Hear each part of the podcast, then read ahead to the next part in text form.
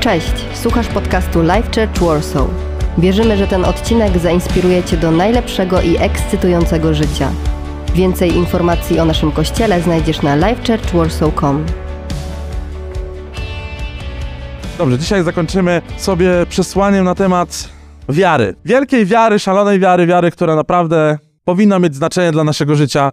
A jest werset, który dzisiaj nas wyreguluje w myśleniu o wierze. To jest Hebrajczyków 11, pierwszy werset. Przeczytajmy go sobie razem i zobaczcie, co się stanie w waszym sercu po przeczytaniu tego wersetu.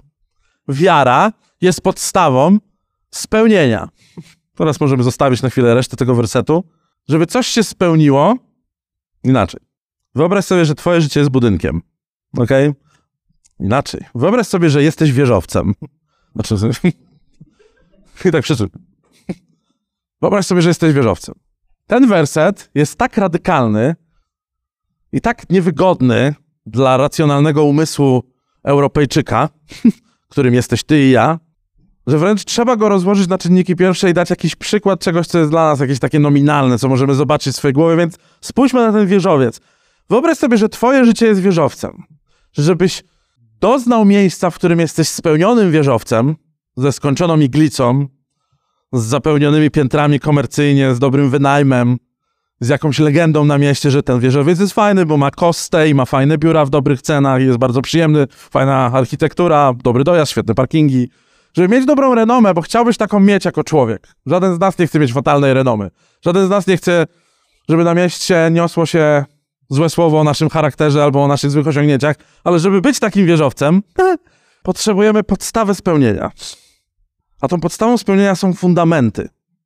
Nie da się być chrześcijaninem, który jest tylko dotknięty przez miłość Boga, który nawraca się i mówi: Chrystus mnie uratował, Chrystus żył tutaj na ziemi, dał mi słowo, które mnie zmieniło, nauczał mnie, potem umarł i zmartwychwstał, dzięki temu ja będę żyć wiecznie, dzięki temu mój grzech został obmyty, tak jak śpiewaliśmy w ostatniej piosence. Jestem dzisiaj czystą kartą, moje życie jest białe jak śnieg, a nie czerwone jak szkarłat, jak mówi Pismo Święte bo Chrystus zbawił mnie od mojego grzechu.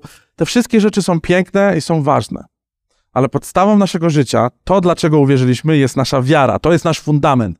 Wiara jest fundamentem, na którym budujemy nasze chrześcijańskie życie. Wiara jest fundamentem, na którym stawiasz wszystkie rzeczy tak, żeby mogły się nie chwiać. Wiara sprawia, że możemy podejmować radykalne, często trudne decyzje dla naszego życia, bo możemy podejmować decyzje bez wiary. Możemy podejmować decyzje po ludzku, humanistycznie, możemy podejmować decyzje bazując często na realiach i faktach. I nie ma nic w tym złego, bo tak jest skonstruowana Ziemia. Ale wiara sprawia, że możemy podjąć krytyczne decyzje i szalone decyzje na temat naszej przyszłości i na temat rzeczy, które wydają nam się niemożliwe, a których często ludzie w ogóle nie osiągają w życiu, dlatego że nie mają wiary i boją się zaryzykować. Wiara jest podstawą spełnienia. Żeby spełnić swoje życie, potrzebujemy podstawy, którą jest wiara. Wiara jest podstawą spełnienia tego wszystkiego, co jest treścią nadziei. Przekonaniem o prawdziwości tego, co niewidzialne. Wiara sprawia, że musimy widzieć rzeczy, które są niewidzialne. Chciałbym, żebyście zamknęli na chwilę oczy. Przeczytamy jeszcze jeden werset. Nie, on się nie wyświetli. Będziecie musieli zrobić tak zwanego chrześcijańskiego fikołka, czyli zamknijcie oczy, a ja wam przeczytam jeszcze werset z listu Jakuba. 1,6. On się nie wyświetli, dlatego nie patrzcie się na ekran, patrzcie się na powieki swoich oczu.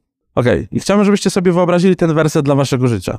Zamiast niech jednak, e, zamieńcie to sobie na swoje imię, dobrze? Niech jednak prosi z wiarą. Czyli, nie wiem, że Dawid, albo Milena, albo Tomek, albo Jasiek, albo Iga, Maciek. Niech jednak prosi z wiarą, porzuci wątpliwości, bo człowiek, który wątpi, przypomina falę morską, gnaną i miotaną przez wiatr. Więc ja deklaruję teraz, możesz, możesz powtarzać za mną. Zamknij oczy nadal, nie patrz się na mnie. Nie ma nic ciekawego tutaj. Miej oczy zamknięte, dobrze. Teraz tak. Ja powiem ja, a ty powiesz swoje imię. Trzy, cztery. Ja. O, bardzo ładnie. Prosi z wiarą. Porzuca wątpliwości. Bo człowiek, który wątpi, przypomina falę morską, gnaną i miotaną przez wiatr. Jestem pewien, że zgodzisz się, że świat, w którym żyjemy, jest całkiem skomplikowany. Niezły, ale skomplikowany. I aby wszystko potoczyło się dobrze, mówię teraz o nas, chrześcijan, chrześcijaninach, żeby wszystko potoczyło się dobrze, potrzebujemy cudów, które zdarzają się znacznie częściej niż raz na parę lat, raz na dekadę w naszym życiu. Potrzebujemy być ludźmi, którzy zaczną myśleć w kategoriach potrzebuję cudów, potrzebuję przełomów, które będą opowiadały o dobrym Bogu, który jest ze mną, który jest dostępny dla mnie i dla innych. Potrzebuję cudów, które będą wypełniały moje świadectwo życia, nie tylko raz na jakiś czas, ale potrzebuję cudów, które będą karmiły moje przeżywanie wręcz codzienne, cotygodniowe, comiesięczne, moje planowanie do tego stopnia, że będę widziała i widział i doświadczał przełomów Boga w swoim życiu. Takich biblijnych, charyzmatycznych przełomów działania Boga. Bo to jest bardzo ważne, żebyśmy byli ludźmi, którzy ufają Bogu i którzy wierzą, że Bóg jest po naszej stronie. Wiara dla rozwoju naszego charakteru jest ważna. To jest piękne. Potrzebujemy tego. Potrzebujemy mieć zdrowe charaktery, transparentne decyzje. Potrzebujemy być ludźmi, którzy świecą przykładem, być zdrowi dla innych i naprawdę, żeby ludzie nam ufali. To jest ważne. Ale potrzebujemy też wiary, o której mówi Biblia, która jest tym, tą siłą sprawczą, tym dynamos, które po prostu porusza Kościół do przodu, która sprawia, że ludzie mają proroctwa dla innych, które sprawiają, że ludzie mają wizję, które sprawiają, że dzieją się wielkie przełomy, jak to, że możemy dostać budynek na Racławickiej i możemy mieć kasę na opłacenie i możemy tak naprawdę mieć różne możliwości, które z tego wynikają. To jest jeden z przykładów, ale możemy też mieć ludzi, którzy przychodzą z konkretnym słowem i odblokowują konkretne rzeczy. Możemy mieć też Boga po swojej stronie, który może uczynić cuda w każdej dziedzinie naszego życia. Od relacji, poprzez zdrowie, poprzez pracę, poprzez edukację, poprzez Twoją ścieżkę kariery, poprzez Twoje wybory życiowe, poprzez problemy, które są wielką skałą, kamieniem, który jest nieprzesunięty w Twoim życiu, a Bóg może ten kamień przesunąć. A propos Wielkanocy. Potrzebujemy wiary, która jest przepełniona myśleniem o cudnym Bożym działaniu. I potrzebujemy, żeby te cuda, to jest mój statement, zdarzały się znacznie częściej. Ale to, co nas zmienia, to zmieniają nas koncepty i przesłanie i treść zawarta w tym, co mówię. I to, co wierzę, że powinno nas zmienić, to powinno nas zmienić myślenie o Bogu, który jest po naszej stronie i chce cudów, bo jest kim Bogiem cudów. Jest twierdzą warowną. Jest chlebem naszego życia. Wiesz, że oddychasz, i to jest wielka tajemnica biologii. Ten cały programator, który mamy tutaj, zwany mózgiem, to są w ogóle fascynujące rzeczy. Biologia ci opowiada, że ma odpowiedzi na wiele rzeczy, nauka już tak wiecie. Próbuje wszystko sobie zagarnąć, ale nie ma odpowiedzi na wielu rzeczy. Narodziny, poczęcie nadal są ogromnym cudem. My badamy efekty połączenia się spermy z komórką jajową, ale nadal cała ta tajemnica DNA i te wszystkie rzeczy, które się tam wydarzają, jak to jest zakodowane, zaprogramowane, jak ten komputer działa, jak te geny się przenoszą, to wszystko jest nadal spekulacje, są różne teorie. Fizyka kwantowa, no, moja ulubiona. Kocham. Ja mogę siedzieć godzinami i oglądać zderzacz hadronów tam. Przecież oni teraz, no oni teraz od 6 lat utknęli nad konceptem, który ja oglądam, wierzcie mi, ja co tydzień oglądam update'y, bo mnie to fascynuje. Oni od 6 lat nie wiedzą, ja też nie wiem, bo odkryli najmniejsze z możliwych cząsteczek. Już takie, że po prostu musieli wynaleźć kolejny teleskop, ten teleskop, mikroskop, taki super hiper jakiś wypasiony i oni już teraz się zgubili. Bo już te najmniejsze cząsteczki, słuchajcie, one się nie przemieszczają liniowo. Cząsteczki najmniejsze, z których jesteśmy zbudowani, z których zbudowana jest ta scena, ten budynek, żabka, kawa ze Starbucksa, twoje serce, twój mózg, twoje myśli, one się nie przemieszczają liniowo, tak jak atomy, tak jak nas uczyli. One się pojawiają w jednym miejscu i na przykład pojawiają się 10 mil dalej. To znaczy, że my się wszyscy przenikamy, czy co? Oni nie wiedzą. Bo teraz, jeżeli nic nie jest już tak stabilne, jak było, jak Einstein zakładał, to oni teraz muszą stworzyć nową fizykę kwantową i to jest największa rozkmina ostatnich sześciu lat, bardzo intensywna. Więc teraz tak sobie myślę, ufam nauce, chodzę do lekarzy, jeżdżę hybrydą, wszystko rozumiem. Jakby nauka jest ważna. I nie będziemy nigdy kościołem, który mówi nie szczep się, nie chodź do lekarza, nie będziemy takimi głupkami. Ale to, o czym chcę nam powiedzieć, to to, że nasze racjonalne myślenie nie zawsze nam pomaga w osiąganiu wielu cudów w naszym życiu. Nasze racjonalne myślenie nie zawsze nas doprowadzi do miejsca, w którym możemy pozwolić Bogu działać tak, jak powinien działać przez moc Ducha Świętego w naszym życiu. Okay. Chciałbym zobaczyć rezultaty szalonych aspektów wiary w naszym życiu, ale żeby zobaczyć szalone rezultaty, musimy mieć szaloną wiarę. Nawet jeżeli to jest bardzo trudne. Więc mam do ciebie jedno pytanie dzisiaj. Jak bardzo chcesz doświadczyć szalonych cudów w swoim życiu? Ja bardzo chcę widzieć szaloną przyszłość. Bardzo chciałbym zobaczyć na rogu każdej głównej ulicy kościół ewangeliczny w tym mieście i w tym kraju. Ale nie dlatego, że ewangeliczni chrześcijanie są najlepsi i wiedzą lepiej od katolików. To nie o to chodzi. Nawet nie chodzi o to, żeby to był kościół ewangeliczny, ewangelicznie wierzący. Chodzi mi o to, żeby to był po prostu kościół, który kocha Jezusa Chrystusa i który Duchem Świętym zmienia rzeczywistość ludzi. Szalony pomysł, ale jakże możliwy, gdy ma się szaloną wiarę. Wiecie, my zaadoptowaliśmy naszą córeczkę. Nadal do adopcji w tym kraju czeka 10 tysięcy dzieci rocznie. Przez różne problemy systemowe, przez dziwne prawo, które jest w naszym mieście, 7 tysięcy, 8 tysięcy dzieci rocznie zostaje w systemie, w domach dziecka, w tak zwanych, straszne słowo, sierocińcach, bidulach. Dzieci, które, dzieci, których nikt nie adoptuje, bo rodzice, którzy nie są w stanie ich wychowywać, bo mają masę dysfunkcji, nie zrzekają się praw rodzicielskich tylko dlatego, żeby otrzymywać 500 plus na przykład. I odwiedzają to dziecko raz na miesiąc albo raz na pół roku. Sąd chce, wiecie, widzieć, jak te dzieci należą do tych rodziców, a ci rodzice w ogóle się nim nie przejmują. Mamy ogromne deficyty, które mogą zmienić cuda i kampanie i działanie Boże i otwarte drzwi. Mamy ogromne problemy w ogóle wśród nas, w naszym życiu, nie tylko w naszym kraju, które wierzę, że może zmienić Bóg. Naprawdę może zmienić. Mam szaloną wiarę do tego, że możemy stać się tymi, którzy będą zaczynali różne kampanie i Bóg będzie po prostu wykopywał nam drzwi po to, żebyśmy wchodzili dalej. Bo trzeba zmieniać te rzeczy, bo trzeba walczyć o to, żeby Królestwo Boże się poszerzało, a Jego miłość była widoczna w wielu aspektach naszego życia. Mnie denerwuje brak sprawiedliwości. Mnie denerwuje to, że my pracujemy z ukraińskimi dziećmi uchodźców i myślę sobie, większość z tych dzieci, jak znam historię uchodźstwa, przez kolejne 10 lat będzie uwieziona w tym systemie uchodźstwa, bo takie są statystyki, ale dlatego my wierzymy, że mamy tą szkołę po to, żeby usamodzielnić te nasze dzieci, żeby one mogły zacząć normalną karierę, pójść na studia w tym kraju i nie być ciągle z tą metką uchodźcy nad swoim życiem. Bo zwiedziłem ośrodek dla uchodźców w Szczeczenii, którzy siedzą w naszym kraju 15-20 lat i zbudowali sobie całe życie w ośrodku.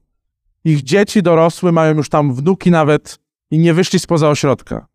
Cud, jakiego możemy doświadczyć, to to, żeby modlić się o przełomy, żeby wychować kolejne pokolenie ludzi pokrzywdzonych wojną, do tego, żeby byli ludźmi, którzy powiedzieli, kiedyś przyszli do mnie ludzie, mieli ogromną wiarę i miłość Jezusa Chrystusa, wyuczyli mnie, mieli pieniądze na szkołę, dali mi edukację, a dzisiaj pracuję w Ministerstwie Finansów i rozdaję pieniądze kościołom ewangelicznym. Rozumiecie, co mam napisane? Scenariusz się zgadza.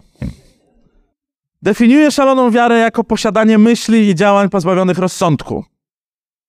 Ten budynek był pozbawiony rozsądku w wielu kwestiach finansowych.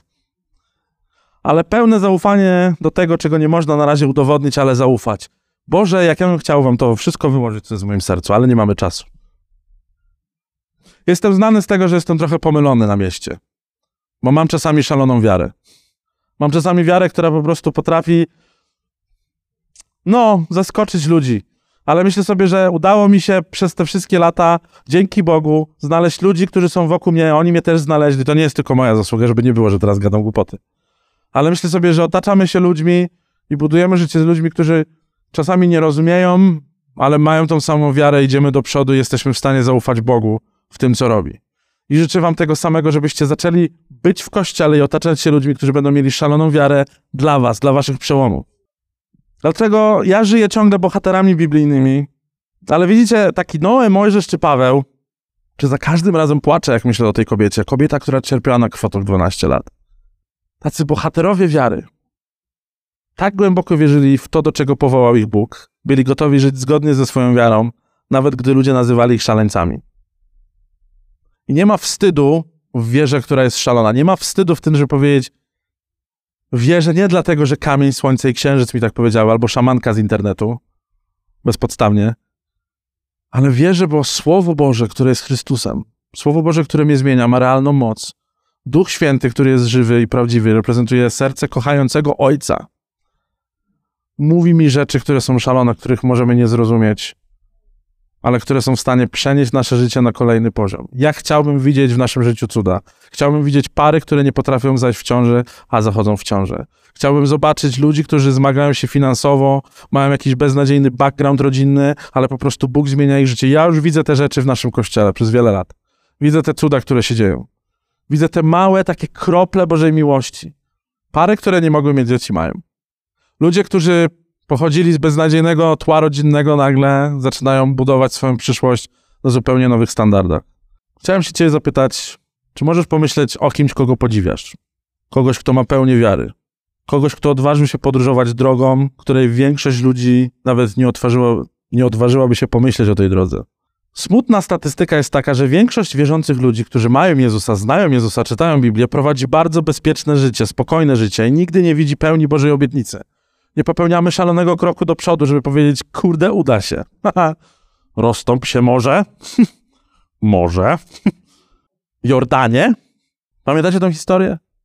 Uwielbiam tę historię, że Mojżesz uwierzył, wziął laskę, puknął, rozstąpiło się morze i Izraelici zobaczyli, a potem zalało Egipcjan, bo już nie zdążyli. Ale potem była kolejna próba dla narodu izraelskiego i oni próbowali przejść przez, przez Jordan i nie mogli. Bo tak czekali, aż się rozstąpi, ci kapłani tak stali, się nie rozstępuje i Izraelczycy tak wiecie, jak Polacy na meczu z Czechami. Tak, no tak ładnie, żeśmy przeszli do jednej ósmej. Tak stali, stali, ale tam był już kolejny level wiary. Tam level wiary polegał na tym, że co? Trzeba było jednak zanurz, zanurzyć nogę w wodzie i dopiero woda się rozstąpiła. A, czyli trzeba w coś wejść i zaryzykować, żeby jednak zacząć widzieć przełomy i cuda. Rzecz w tym, że czasami Bóg prosi nas o zrobienie rzeczy, które w ogóle nie wydają się racjonalne lub logiczne. Ludzie je źle je zrozumieją, nawet je wyśmiewają. Biblia jest pełna takich historii. Dlatego dzisiaj chciałbym Ci powiedzieć, że jesteś powołana i powołany do tego, żeby być współczesnym bohaterem. Naprawdę. Chciałbym, żeby ludzie patrzyli na Twoją wiarę i wzorowali się na niej. Chciałbym, żeby ludzie widzieli, jak szalona i szalony jesteś w swoim myśleniu, ale nie tak, żeby ich przestraszyć. Tak, żeby pomyśleli, że jesteś wariatem. Ale rozsądnym wariatem z dobrym fundamentem. W sensie, nie bądź wariatem na początku, a potem okaże się, że jesteś na przykład lekarzem medycyny, tylko najpierw daj tym ludziom racjonalnie dojść do tego, wow, to jest lekarz medycyny, ale wariat ma wiarę. Chodzi o to, żeby nie robić siebie pośmiewiska, ale chodzi o to jednak, żeby powiedzieć, nie wiem, to jest to, to jest to, kim jestem, to jest to, jak żyję, widzisz, że jestem normalny, piję kawę z żabki, znasz mnie, ale wiesz, mam wiarę w to, że Bóg jest w stanie zrobić coś potężnego i cudownego w twojej przyszłości. Wierzę też w to, że nigdy nie jest za późno, żeby zbudować szaloną wiarę. Nie musisz być dzieckiem pastora, żeby zbudować szaloną wiarę. Ja nie jestem. Szczerze powiedziawszy, jestem dzieckiem z blokowiska. Bardzo długo wierzyłem w hip-hop. Wierzyłem, że hip-hop jest nadzieją dla tego świata. Dobrze, że wiara się zmienia. Dobrze, że ludzie zmieniają swoje poglądy. Dobrze, że Bóg jest łaskawy dla twojej głupoty dzieciństwa. Nigdy nie jest za późno, nigdy nie jest za późno, żebyś był mądrzejszy i mądrzejsza. Bo wiesz, Bóg nie jest zaskoczony naszą przyszłością, nie jest zaskoczony naszym grzechem, naszymi pomyłkami, naszą tożsamością, tym jak się ubieraliśmy, ale tam, gdzie jesteś dzisiaj, możesz zacząć burzyć mury, wątpliwości, wyciągać kłamstwa, pesymizmu i usuwać ramy strachu. Wiem, że takie ee, przeczytane, ale to o co mi chodzi. Wierzę mocno w to, że dobry Bóg jest w stanie wlać w ciebie nowy fundament wiary. Jesteś w stanie zbudować podwalinę mocnego przeświadczenia na przyszłość. Jestem przekonany, że fundamentem, na którym musimy budować swoje życie, jest naprawdę wiara w Boga i Jego Słowo jak ten kościół nie zacznie czytać regularnie Słowa Bożego, to przysięgam wam dwa lata i przechodzę na emeryturę.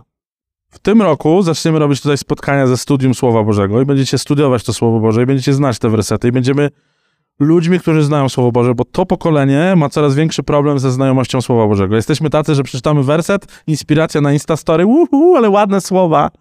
Dorobię super fonta i będzie super. Prawda jest taka, że ten font i to wersecik cię nie zmienił.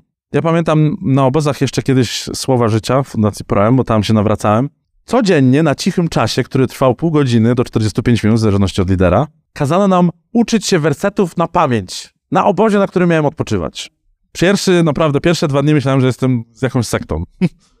tak mi kazali uczyć się wersetów na pamięć. Opowie już wersety. I oni w ogóle, te dzieci, które już jeździły na to obozy, one tam biegały i w ogóle się podniecały, że się nauczyły wersetu. Ja mówię, no jakie typy dziwne.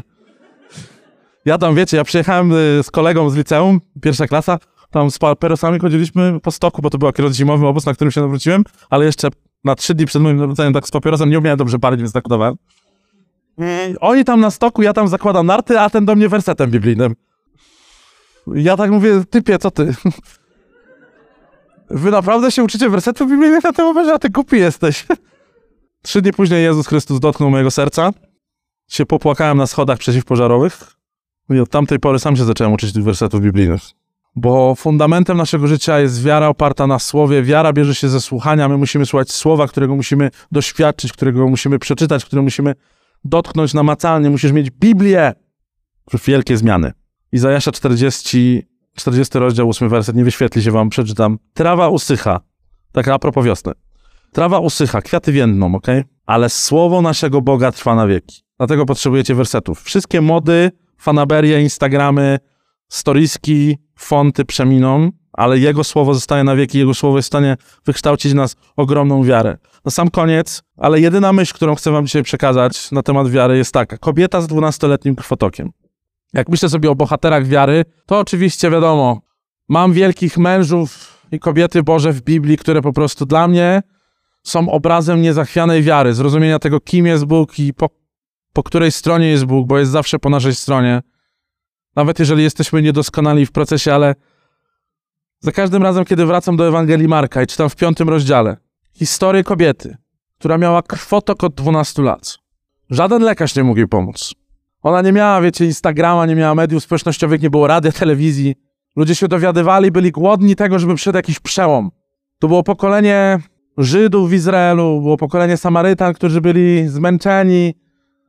Też takim, wiecie, brakiem wiary, bo oni wyszli z tej niewoli babilońskiej, minęło kilkaset lat, Bóg za bardzo się nie odzywał, nie było wielkich przełomów, było dużo korupcji w świątyni, generalnie takie czasy marazmu, zniechęcenia władzą, nie było jakichś, wiecie, niesamowitych cudów w powietrzu, ludzie oglądali media, czy tam czytali gazety, cokolwiek. Wtedy było, jakieś kamienne tablice gliniane, nie było jakichś przełomów. Nagle pojawia się przełom w newsach. Wszyscy plotkują. Słowo od słowa, wioska od wioski. Ludzie zaczynają mówić, słuchajcie, jest gościu, który mówi, że jest synem Boga. A jak myślimy sobie o Bogu, to ten syn nie jest jakiś taki wyłączony, on jest bardzo włączony i mówi, że Bóg nas kocha. I opowiada o tym, że Bóg jest sprawiedliwy. Opowiada o Jego królestwie, opowiada o tym, że ten Bóg jest w stanie zrobić niesamowite rzeczy. Wiecie, w ludziach, w których nie było wiary, nagle zaczyna pojawiać się jakieś źdźbło wiary. I nagle rozprzestrzenia się plotka, że ten Jezus, który mówi, że jest synem Boga, uzdrawia ludzi. Cuda są bardzo częste. Jezus chodzi od wioski do wioski. Jest nawet w miejscach, w których nie ma dużo wiary. Jest nawet w miejscach, w których ludzie są mu przeciwni. I często tam mu jest trudno uczynić cud, bo tam nie ma wiary, ale w miejscach, które są przepełnione wiarą, jak nasze kościoły, jak my sami, dzieją się cuda i to dość często, więc tak kobieta myśli sobie, może jak będę w tłumie ludzi, może jak będę w tłumie ludzi, którzy są przepełnieni wiarą i sama będę miała odrobinę wiary, to może doświadczę po prostu tego szalonego cudu, bo od 12 lat krwawie. Ja myślę sobie, że ona nie była tak teatralna jak ja w tym. No nie był monolog na scenie teatru powszechnego, to po prostu była kobieta, która była tak zmęczona swoim ciałem, osłabiona. Musicie też zrozumieć coś, co jest bardzo ważne, powtarzałem to kilka razy, ale lekcja biblijna zrozumienia kontekstu kulturowego tej kobiety jest taka, że ta kobieta była odtrącona przez swoich bliskich, przez środowisko, przez kapłanów, bo była uznaną za nieczystą, dlatego że krwawiła przez 12 lat. I ta kobieta ma źdźbło wiary i myśli sobie, może jak pójdę, może jak ten Jezus mnie zobaczy, może z nim nawet zamienię słowo, chociaż nie wiem, czy to możliwe, bo podobno są takie tłumy, że się nie da dopchać. Musicie sobie wyobrazić, nie wiem, jak ja mam migrenę dwa dni, to jestem mega osłabiony. Albo jak mam grypę trzy dni, to w ogóle umieram. Ale myślę sobie, niebanalne jest w tej historii to, że to jest 12 lat krwotoku, odwodnienia, osłabienia organizmu i ta kobieta musi się przecisnąć przez tłum. Ona musiała być starsza o 10-15 lat biologicznie niż jej ciało to mówiło. Ja sobie wszystko wyobrażam pełen empatii do tej kobiety, bo myślę sobie, mój Boże, płaczę nad tym cudem, dlatego myślę sobie, że tam ta historia jest dla mnie najważniejsza ostatnio. Bo wielu z nas jest ludźmi, którzy są tak zmęczeni swoją sytuacją, jesteśmy tak zmęczeni niewiarą, jesteśmy tak zmęczeni doświadczeniami, jesteśmy zmęczeni COVID-em, jesteśmy zmęczeni finansami, jesteśmy zmęczeni niemożnością w naszych relacjach, jesteśmy zmęczeni, zatruci wręcz przez ludzi wokół nas. Sami jesteśmy winni, jeszcze dodatkowo ludzie nam są winni. I myślę sobie tak, taka kobieta, ona ma jeszcze krztę wiary, po to, żeby stało się coś szalonego. Ludzie napierali na niego zewsząd, mówi Marka 5:30, a ona zatrzymuje się od, a ona dotknęła jego skrawka jego szaty. Więc Jezus zatrzymał się, odwrócił i pyta, kto dotknął mojego ubrania? Moja interpretacja tej historii jest taka: uczniowie nie mogli uwierzyć, że ktoś go dotknął. Że on nawet wiedział, że ktoś go dotknął, bo dotykali go po prostu ludzie zewsząd. Ręce cały czas, był ogromny tłum. Jezus, zwróć uwagę na mnie, dotknij mnie, pomóż mi. Ta kobieta złapała się skrawka jego szaty. Zmęczona, osłabiona. Przecisnęła może rękę w tłumie gdzieś na dole, po kurzu, po ziemi, po glebie. Złapała go za fragment jego spodni. Uczniowie nie mogli w to uwierzyć, ale Jezus wiedział, że wyszła z niego moc uzdrawiania. Widzicie, my nie możemy ukraść cudu Boga. Ja o tym myślałem ostatnio. To tak w tej historii zawsze wygląda, że ona coś ukradła. Złapała się Boga gdzieś tam z tyłu. U Pana Boga za piecem. Tylko, że Jezus się zatrzymuje, odwraca i ta kobieta mu wyjaśnia swoją sytuację. Na pewno doszło do dialogu. Jezus wyjaśnia wszelkie błędne przekonania na temat jej uzdrowienia, bo zwraca się do niej personalnie. Tam musiał zaś dialog, on poczuł kawałek, ktoś go szarpnął, tłum, o to ja, to ja. Nie, nie, nie, nie, to nie wy. Byłaś ty. Zwraca się do tej kobiety i mówi tak, córko, twoja wiara cię uzdrowiła, idź w pokoju i uwolnij się od cierpień. Marka 5,34. Nasza wiara pobudza Boga do działania, nawet gdy jest w trakcie robienia czegoś innego. To jest bardzo ważne. Bóg może czynić cuda gdziekolwiek chce na świecie, działać gdziekolwiek chce na świecie, uwalniać ludzi, przybliżać się do Jezusa, ale widzisz, najważniejsza lekcja jest dzisiaj taka, żebyśmy nie byli obojętni, bo ja cierpiałem na pewną obojętność tego, że Pan Bóg czasami nie interesuje się moim problemem. Jezus mógł iść dalej po uzdrowieniu tej kobiety. Tylko on i ta kobieta wiedzieliby, co się stało bez żadnego dialogu. Ale Jezus przerwał to, co robił i uznał wynik wiary tej kobiety i dał jej całkowite uzdrowienie. Uznał wynik wiary. Innymi słowy, kiedy jest wiara, Bóg się zatrzymuje nad Twoim życiem. Kiedy jest wiara, kiedy jest prośba, chociaż mała, Bóg się zatrzyma nad swoim życiem. Nie wiem, jaką masz dzisiaj potrzebę i problem. Nie wiem, jaką masz rzecz. My mamy wielkie wizje często dla naszego życia. My jako Kościół mamy wielkie wizje dla naszego życia, ale w naszym Kościele, jak w każdym, wśród ludzi są wielkie i małe problemy. I mam wiarę w to, że Bóg zatrzymuje się nad Life Church Warszawa, zatrzymuje się nad nami indywidualnie, kiedy po prostu prosimy Go i mówi, Boże, potrzebujemy Twojej interwencji. Ja ciągle myślałem, że Bóg jest w takiej ciągłej dynamice, chodzi po scenie. Nie. Jezus się odwraca i zatrzymuje. Dla ciebie indywidualnie Jezus patrzy się, ma ogromną empatię i chce zatrzymać się nad swoim dzieckiem, które ma wiarę i prosi go o coś konkretnie. Więc dzisiaj, jeżeli chcesz powrotu do swojej przyszłości w Bogu, to chcę ci powiedzieć, uporządkuj jedną kwestię. Zrozum na nowo, że Bóg zatrzymuje się nad każdą twoją modlitwą. Czy to jest modlitwa na stacji benzynowej, modlitwa podczas jazdy autobusem do pracy, modlitwa w pośpiechu, modlitwa pod prysznicem, modlitwa desperacka w szpitalu, modlitwa nad osobą, modlitwa małżeńska, modlitwa w kościele, modlitwa, kiedy ktoś nakłada na ciebie ręce, modlitwa przy uwielbieniu. Bóg zatrzymuje się nad każdą modlitwą. Ja musiałem przewartościować całe swoje myślenie. Mamy nadzieję, że ten odcinek Cię zainspirował. Nowe odcinki ukazują się co tydzień. Pamiętaj, że możesz odwiedzić nas w każdą niedzielę, a więcej informacji o naszym kościele znajdziesz na livechurchwarsaw.com.